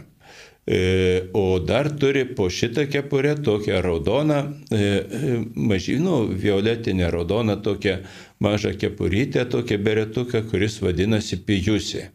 Taigi su dviem kepurėm išeina. E, mitra e, iš tikrųjų yra balta arba auksinė. Arba kažkas į tą pusę. Kitokių spalvų mitrų beveik nenaudojama. Anksčiau būdavo naudojama liturgijoje, bet ir tai retai. Taip pat e, net ir laidojant vyskupą uždeda mitrą, bet nebūtinai violetinės atgailos spalvos. Taip kad liturginis rūbas yra arnotas, su kuriuo išeina mišioms, o mitra yra arba balta, arba, auksi, arba auksinė, arba į tą pusę. Taip kad viskas tvarko, jūsų vyskupas liturgijos laikosi, galit būti rami. Taip, dar vienas telefono skambutis. Algis iš Kauno. Per amžius. Būkite malonus, pasakykite, Indija yra katalikų šalis, bet ten yra kaip sakant, laikoma, kad karvė tai yra šventoji. Jis vaikšto po gatves, šalygatvius, net sako, kad pririša ją kaip prie, prie bažnyčios, kad jinai netriptų aplinką. Sakykite, kaip iš tikrųjų yra, kodėl ta karvė yra šventoji Indijoje. Taip. Pirmiausia, Indijoje yra labai daug e, krikščionių, ne tik tai katalikų, bet ir kitų konfesijų krikščionių. E, tačiau krikščionybė ten ir e, nėra vyraujanti religija. Vyraujanti religija yra daugybė ten įvairiausių tautų, įvairiausių kalbų ir įvairiausių religijų. Indija yra milžiniška, ten gyvena nepaprastai daug žmonių Labai senoviška šalis, gyvena nepaprastai daug kultūrų, kalba daugybę kalbų ir tarpusavį, jeigu ten iš skirtingų rajonų, tarpusavį jie kalba angliškai, kadangi Indija buvo Anglijos kolonija ir kažkada tai anglai su jais visais kalbėjo angliškai, panašiai kaip su mūsų vyresnės kartos žmonėm dar galima susikalbėti rusiškai, jaunimas jau nežino tų kalbų. E, krikščionys karvių negarbino. O hinduizmo religija karves labai gerbė ir jom rodo ten visokią pagarbą. Tai nėra krikščioniška tradicija. Kodėl jie šitaip daro, tai tiksliai nežinau, taip ir nestudijavau to dalyko. Tai tiek į jūsų klausimą. Dar atėjo mažas patikslinimas dėl e, Magnificat tekstą apie gavėnę ir gavėnios sekmadienis. Žinot, gal mes nesijimkim redaguoti Magnificat tos knygelės, ten yra tikrai pakankamai jau autoritetingi redaktoriai. Jeigu jums konkrečiai rūpi šitas klausimas, yra knygelėje adresai, internetiniai visokie ir taip toliau, ir ten galite pasitikslinti, ką jie turėjo mintyje. E, Kitas klausimas. Jeigu žmogus miršta nuo viruso užsikrėtęs bažnyčioje, kodėl nebandoma laikinai jas uždaryti? Bažnyčios buvo uždarytos. Ne dėl to, kad kažkas mirė užsikrėtęs bažnyčioje, tiesą sakant, aš neteko niekada E, rasti, matyti tokios informacijos, kad bažnyčiai būtų užkrato žydiniai, bet yra ir kunigų susirgusių, ir mirusių kunigų nuo virusų. Bažnyčios buvo uždarytos, dabar pagal užsikrėtimus yra pamažu pradedamos atidaryti. Turime klausimą telefonu. Regina iš Vilnius. Garbėjai su Kristus. Per amžius. Aš norėčiau paklausyti tokį klausimą. Žodžiu, ar aš teisingai susidariau nuomonę? Perskaičiau knygą. Atsiprašau, Regina, jeigu jūs pritildytumėt radiją, tai tada nebūtų aido. Jau pritildžiau. Ačiū labai. Turit. Ačiū. Aš perskaičiau knygą Kunigas Richardas Ir man labai patiko, atsakė man į daugelį klausimų, kuriuo aš visai nežinojau. Ir esu labai patenkinta, kad perskaičiau. Bet ar mano teisinga susidaryta nuomonė? Galbūt jūs galėtumėt paaiškinti man, kad aš esu teisingam kelyje ar nelabai? Nu, e, manau, kad jūsų nuomonė yra teisinga Ir aš ko gero pasiklausęs jūsų nuomonės ir pats tą knygą perskaitysiu. Aš dar jos neskaičiau, nesuspėjau. Gerai, kunigas Richardas Doveika, turbūt apie jį kalbat, yra protingas kunigas, yra išvalgus ir dar turi talentą ir rašyti ir taip toliau. Todėl e, aš tiesiog džiaugiuosi, kad jisai rašo knygas ir tuo būdu stiprina tikinčiuosius. Daug dievė jam sveikatos, na ir daug dievė jam džiaugsmo. Tai tiek. Kitas klausimas. Apaštalų darbuose rašoma, kaip apaštalai gavo ugnies iš dangaus. Mūsų katalikų bažnyčioje rods daugiau dėmesio skiriama išoriniam religiniam formom, o ne šventosios dvasios gavimui. Koronas privertė dvasiškai priimti Jėzų. Gal ta kryptimi bažnyčia ir toliau darys žingsnius, e, kad ir švenčiausią dvasę e, e, ar aktyviau priimtume. Ačiū. Taip, kaip pasakyti, gaila, kad Nu taip, čia turbūt perkeltinė prasme, kad gavo ugnies iš dangaus. Tas e, kalbama apaštalų darbuose apie šventąją dvasę, pabrėžiama šventoji dvasia, toliau ugnies pavydalu. Toliau apaštalai e, kalbėjo e, kalbomis, netradiciškai galima pasakyti, turbūt vienintelis toks atvejis, kiek aš bent jau dabar atsimenu, kada kalbėjo savo kalbą, puikiai suprasdami, ką jie kalba, o visi žmonės, kokią kalbą bekalbėtų, kiekvienas suprato savo kalbą, puikiai suprato, ką paštalai kalba. Taigi jie gavo dvasios. Jie gavo dvasios, taip pat kalbame ir, ir matome apie pirmųjų tikinčiųjų tikėjimo uolumą. Ir ta dvasia, tai turbūt e, e, sėtina su tikėjimo uolumu ir tikėjimo karščiu. E, mūsų bažnyčioje rodos daugiau dėmesio skiriama išoriniam religiniam formom. Gerai, kad parašyt, parašyt žodį rodoms. Kai kam atrodo, kad daugiau dėmesio skiriama išoriniam formom. E, iš tikrųjų bažnyčia e, skiria visą dėmesį, ar mes paklausysim popiežiaus kalbų, ar mes paklausysim viskupų mokymų, e, ar, ar savo parapijos kunigų, ar taip toliau. Bažnyčia kviečia, kad žmogus atsiverstų savo vidumi ir savo širdimi, kad savo kasdieniniu gyvenimu pasidarytų krikščioniškas. O pats žmogus, kadangi tas kasdieninis gyvenimas pasidaryti krikščionišku, jis yra sunkus, įdomu, neįdomus, nuobodus ir niekas jo ne, ne, e, nemato. Nu, paprašiau paprasčiausiai, eini šaly gatvį, iš priekio eina kitas žmogus, ar ne? Ir tu matai, kur jam patogiau, nepatogiau. Ir pasitrauki pusmetrį į šoną, kad tas žmogus praeitų patogesniu keliu, ar ne? Paprastas krikščioniškas darbas, kurio niekas nematė ir kurį taip sunku kasdienybėje atlikti, todėl kad mes tingim pamatyti kažką. Bažnyčia prašo, atsimerkit žmonės, pamatykit ir taip toliau. O žmogus, pats žmogus, pastikintysis, jis nori ir jam gražiau matyti kažkokius tai spalvotus, gražius dalykus, už tai dažnai žmonės tuos dalykus ir, ir ir pamato. Galų gale, jeigu krikščionis eidamas priims truputį į dešinę arba į kairę ir leis tau smagiau praeiti šaly gatvių, ar tu pamatysi, kad tai krikščioniškas darbas, ar tai priimsi kaip mūsų bažnyčios apraišką? Irgi turbūt ne. Bažnyčia labai daug kur veikia nematomai. Na, e, koronos virusas, va šitie karantinai konkrečiau ne virusas, tai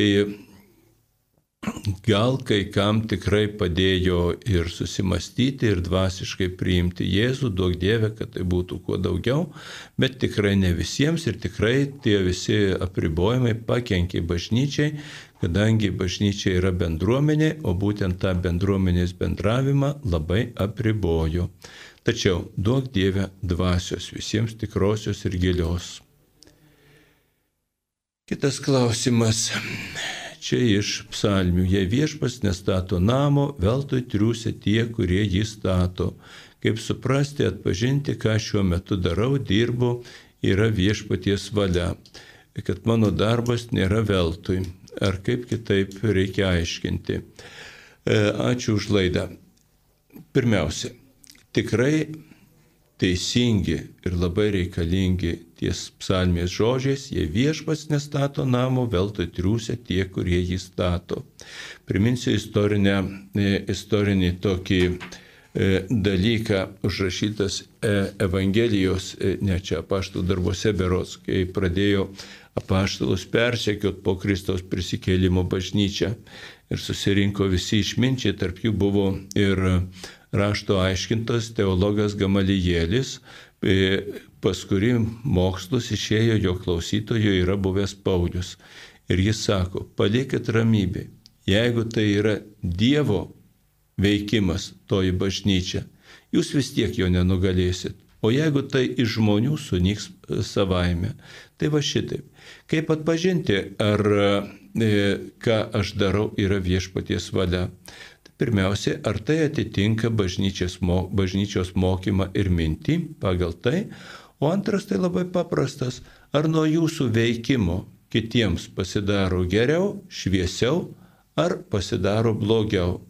Kartais aš darau kažką labai švento, o nuo to kiti žmonės tik tai kenčia. Tai negerai. E, tai ne iš Dievo. Jeigu aš darau kažką tai paprasto gyvenimiško, o kitiems tai atneša džiaugsmą, patogumą, kažkokį supratimą, saugumą, tai tikrai yra iš Dievo. Taip ir tikrinti savo darbus. Turime skambutį, prašom kalbėti. Liongina iš Žarėnų. Tai norėčiau sužinoti, kuo skiriasi ekstraordinariniai šventos mišios nuo ordinarinių šventų mišių. Ordinarinės e, yra nuo lotiniško žodžio ordum, ordo, tai reiškia tvarka, tai reiškia nustatyta tvarka. Dabar nustatyta tvarka, kad mišios yra aukojamos, auk, aukojamos e, kiekvieno krašto gimtaja kalba ir pagal nustatytus liturginius nuostatus. Ten yra įvairių dalykų pakeista. Kai kuriems žmonėms šitas dalykas sukėlė labai e, daug skausmo, jie suprato, kaip čia tikėjimo išdavimas, nors tai yra tik tai liturgijos pakeitimas.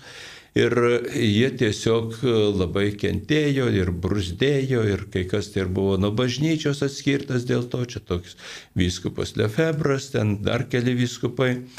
Ir kad žmonės, kadangi tai yra liturginis e, dalykas, o ne tikėjimo, kad tie žmonės, kurie jaučia kančią būtent dėl liturgijos per savo neišmanimą, jiems išskirtinė tvarka, lotiniškai tai būtų ekstra ordo, ekstra tai reiškia už ribų, už, reiškia šalia šitos tvarkos, leido, pasilai, e, leido e, aukoti ir dalyvauti mišes pagal senovinę liturgiją, lotynų kalba ir pagal senasias apėgas. Tai yra bažnyčios leistos, reiškia, liturgijos tiems, kurie yra per silpni priimti normalią liturgiją, kuri nustatyta visoje bažnyčioje. Taigi, toliau kitas klausimas.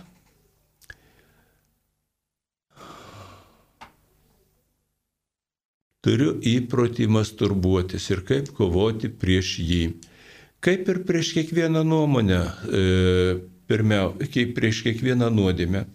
Pirmiausiai, e, surasti, išsiaiškiti ir įsivardyti savo, kokiomis aplinkybėmis tai dažniausiai būna.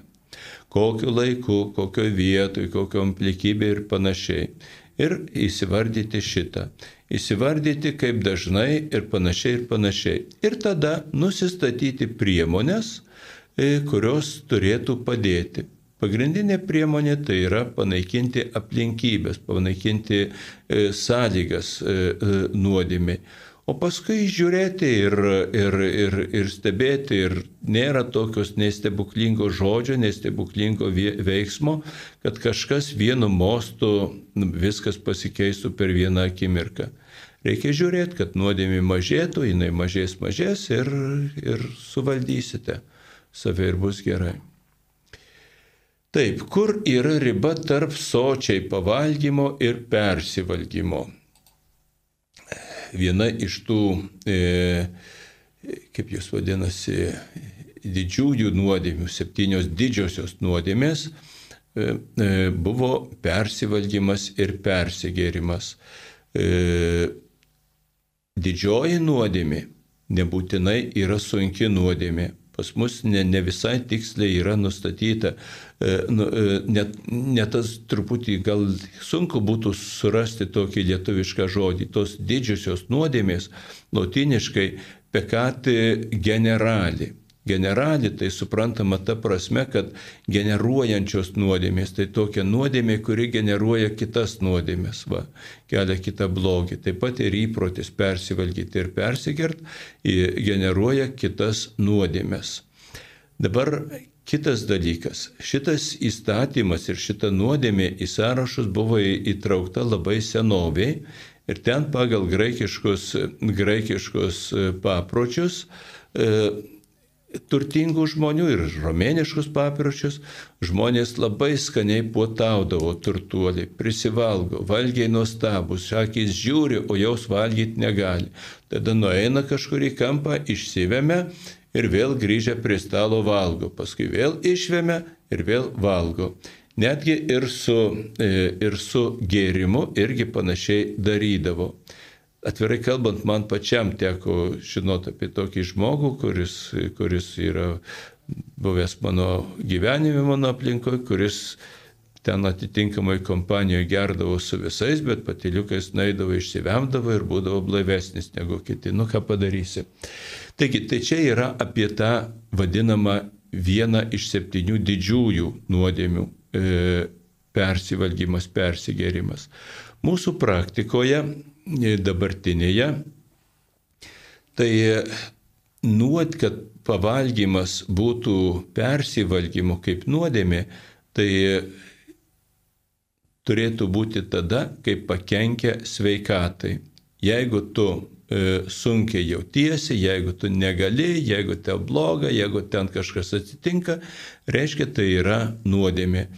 Persivalgymas nors ir priklauso didžiosioms nuodėmėms, tačiau beveik niekada nėra sunki nuodėmė. Beveik niekada nėra sunki nuodėmė, o yra lengva. Aišku, ir lengvas blogis, su juo reikia bandyti kovoti.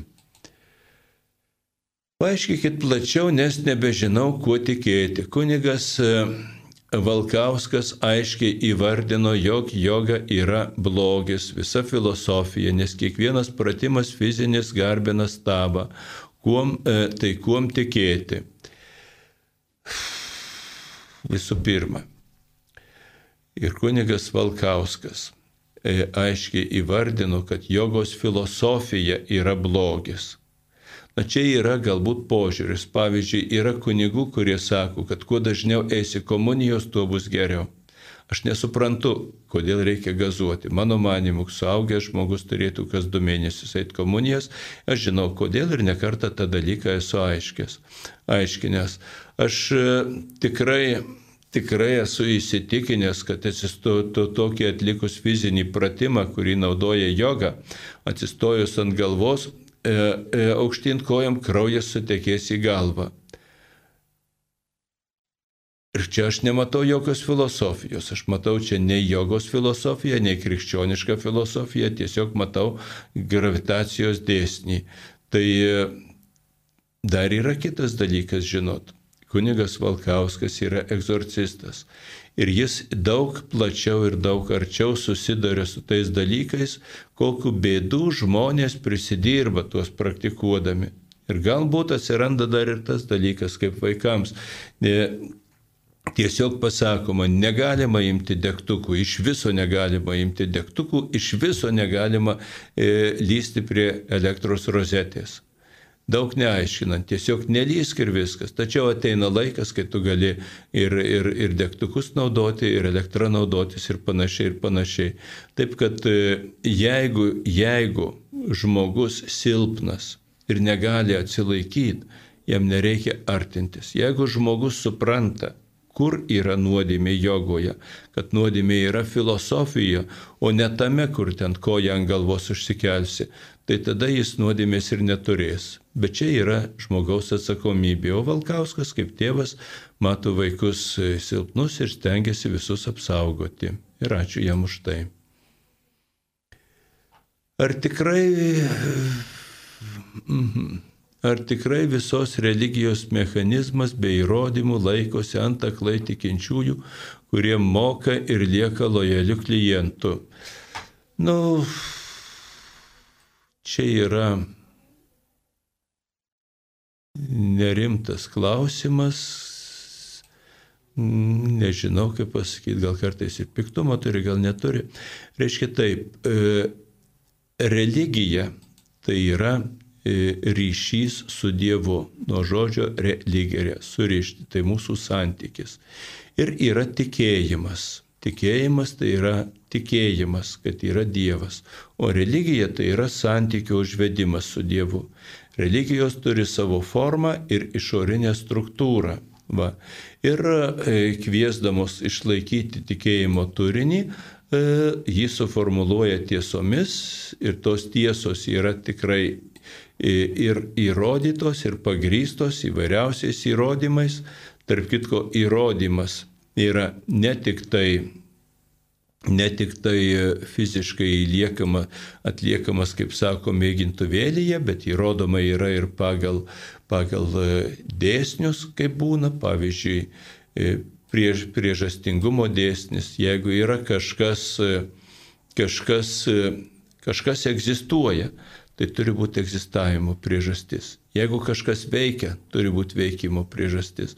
Taip ir, ir, ir Dievas sutinkama ir panašiai. Taip kad religija nėra žmonių tamsa, religija yra šviesa. O religijos sistema ir religijos struktūros, jos išlaikomos iš tikinčiųjų. Ne todėl, kad kažkas apgavęs klaidingai įtikinęs kažką norėtų išnaudoti, bet todėl, kad, kad reiškiasi visų tikinčiųjų bendras reikalas yra išlaikyti savo tikėjimą, tikėjimo struktūrą. Kitas klausimas. Kunigas nenaudoja kaukės, jo pasieka parapijiečiai. Aplinkiniams yra nes, nesaugu, perspėjus nere, nereaguoja. Ar nedaro nuodėmės, ką daryti? O na, Taip, kunigas e, turi naudoti kaukę taip, kaip yra nustatyta. Atlikdamas apėgas, kunigas kaukės nenaudoja. Eidamas į kontaktą su, tikin, su tikinčiaisiais, kunigas turi užsidėti kaukę, pavyzdžiui, dalintamas komuniją. Turi laikytis visų nuostatų, kurios e, padeda apsisaugoti nuo, nuo reiškėsi, epidemijos plėtimo. Jeigu koks kunigas piktybiškai šitų dalykų nesilaiko, galite skūsti vyskupui arba galite skūsti policijai. Ateis ir duos baudą ir bus gerai. Klausimas telefonu. Janina iš Vilnius. Prašom, Janina. Garbėjai Kristus. Per amžius. Norėjau tokio paaiškinimo.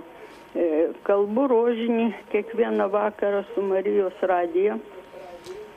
Ir reiškia, kai kalbam penktąjį, e, e, penktąją dalį, kur yra Marija paimama su kūnu ir siela į dangų. Ketvirta dalis. Ir būna, nu, dažniausiai, nu, prieš tai, reiškia, pasakom, koks liepinys viską ir būna buvo interpretacija prieš tai. Ir būna trumpas paaiškinimas arba pamastymas. Marija, reiškia, buvo neščia, laukėsi, atėjo į laikas gimdyti. Čia tykojo e, piktoji dvasia, kuri norėjo pasigrobti tą jos kūdikėlį. Reiškia, jinai pagimdė kūdikėlis, buvo atiduotas Dievui, o jinai nusiusta, reiškia, į dykumą, kur tenai. Taip, taip, taip. Žodžiu. Tai va kaip čia galima suprasti tą interpretaciją? Marija paimama į dangų su kūnu, jau jinai po mirties. Taip. O, o, o džiaugsmas jūs tiesiog, jūs tiesiog, jūs tiesiog per daug, per daug e, sudėjot, reiškia, turinio. E, Kristaus gimimas yra pirmos rožinio dalies trečios, trečiasis slėpinys. Ten Marija, reiškiasi, pradėjusi iš šventosios dvasios, paguldo, pagimdo kūdikėlį, pagimdo eidžiuose, viskas tvarka. Toliau vyksta visa ta Kristaus išganimo istorija, skelbimo istorija, čia gal netiksliai pavadinau. Kristus e, miršta, prisikelia, e, paimamas į dangų. Toliau,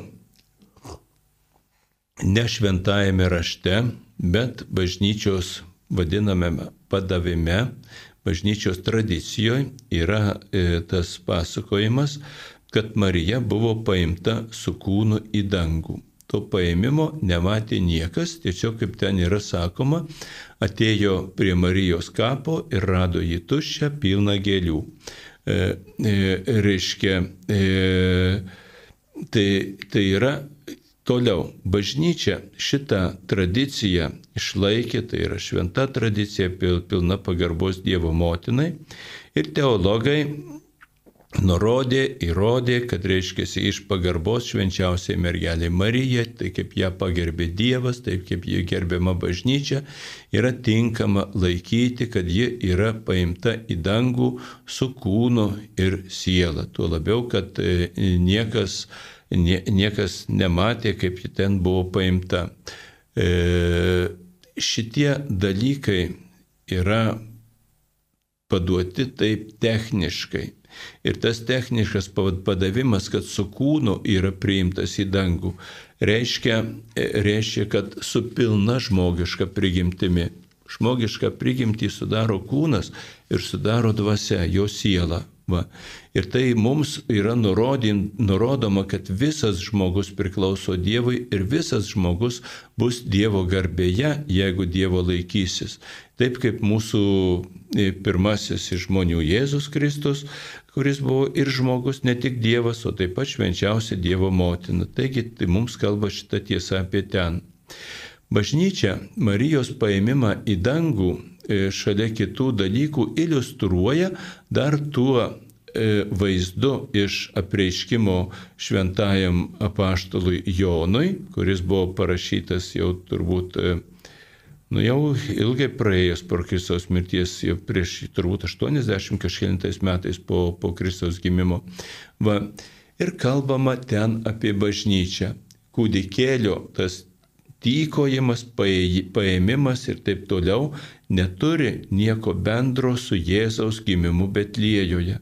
Čia yra kalbama apie Mariją kaip bažnyčios motiną ir tas kūdikėlis, jis simbolizuoja bažnyčią, bet ne Jėzų Kristų. Jėzus, Jėzaus Kristos gimimas yra Betlėjoje. Taip, dar turim jau visai mažai laiko. Pažadėjau artimam žmogui jam mirus kas mėnesį užprašyti šventas mišes, tai vykdau. Ar tai bus mirusiems pagalba? Kadangi tai jau vykdote, tai jau yra konkreti pagalba mirusiam. Labai gražiai ir krikščioniškai elgėtės. Tai va, atrodo, baigėsi mūsų laikas. Ačiū už jūsų klausimus, ačiū jūsų kantrybę. Visada domėkitės, visada klauskite ir pagal galimybės klauskitės pas tuos, pas kuriuos žinot, nes kartais jeigu nežinantys klausinėja vieni kitų, tai prisidaro tik tai didelių bėdų ir nieko aiškus nesužino. Ačiū Dievui, ačiū Marijos radijai, kad duoda tokią galimybę mums pasišnekėti ir išsiaiškinti, ką nors ir tegu Dievas jūs visus laimina. Garbė Jėzui Kristui. Laidoje dalyvavo kunigas Vytautas Brilius.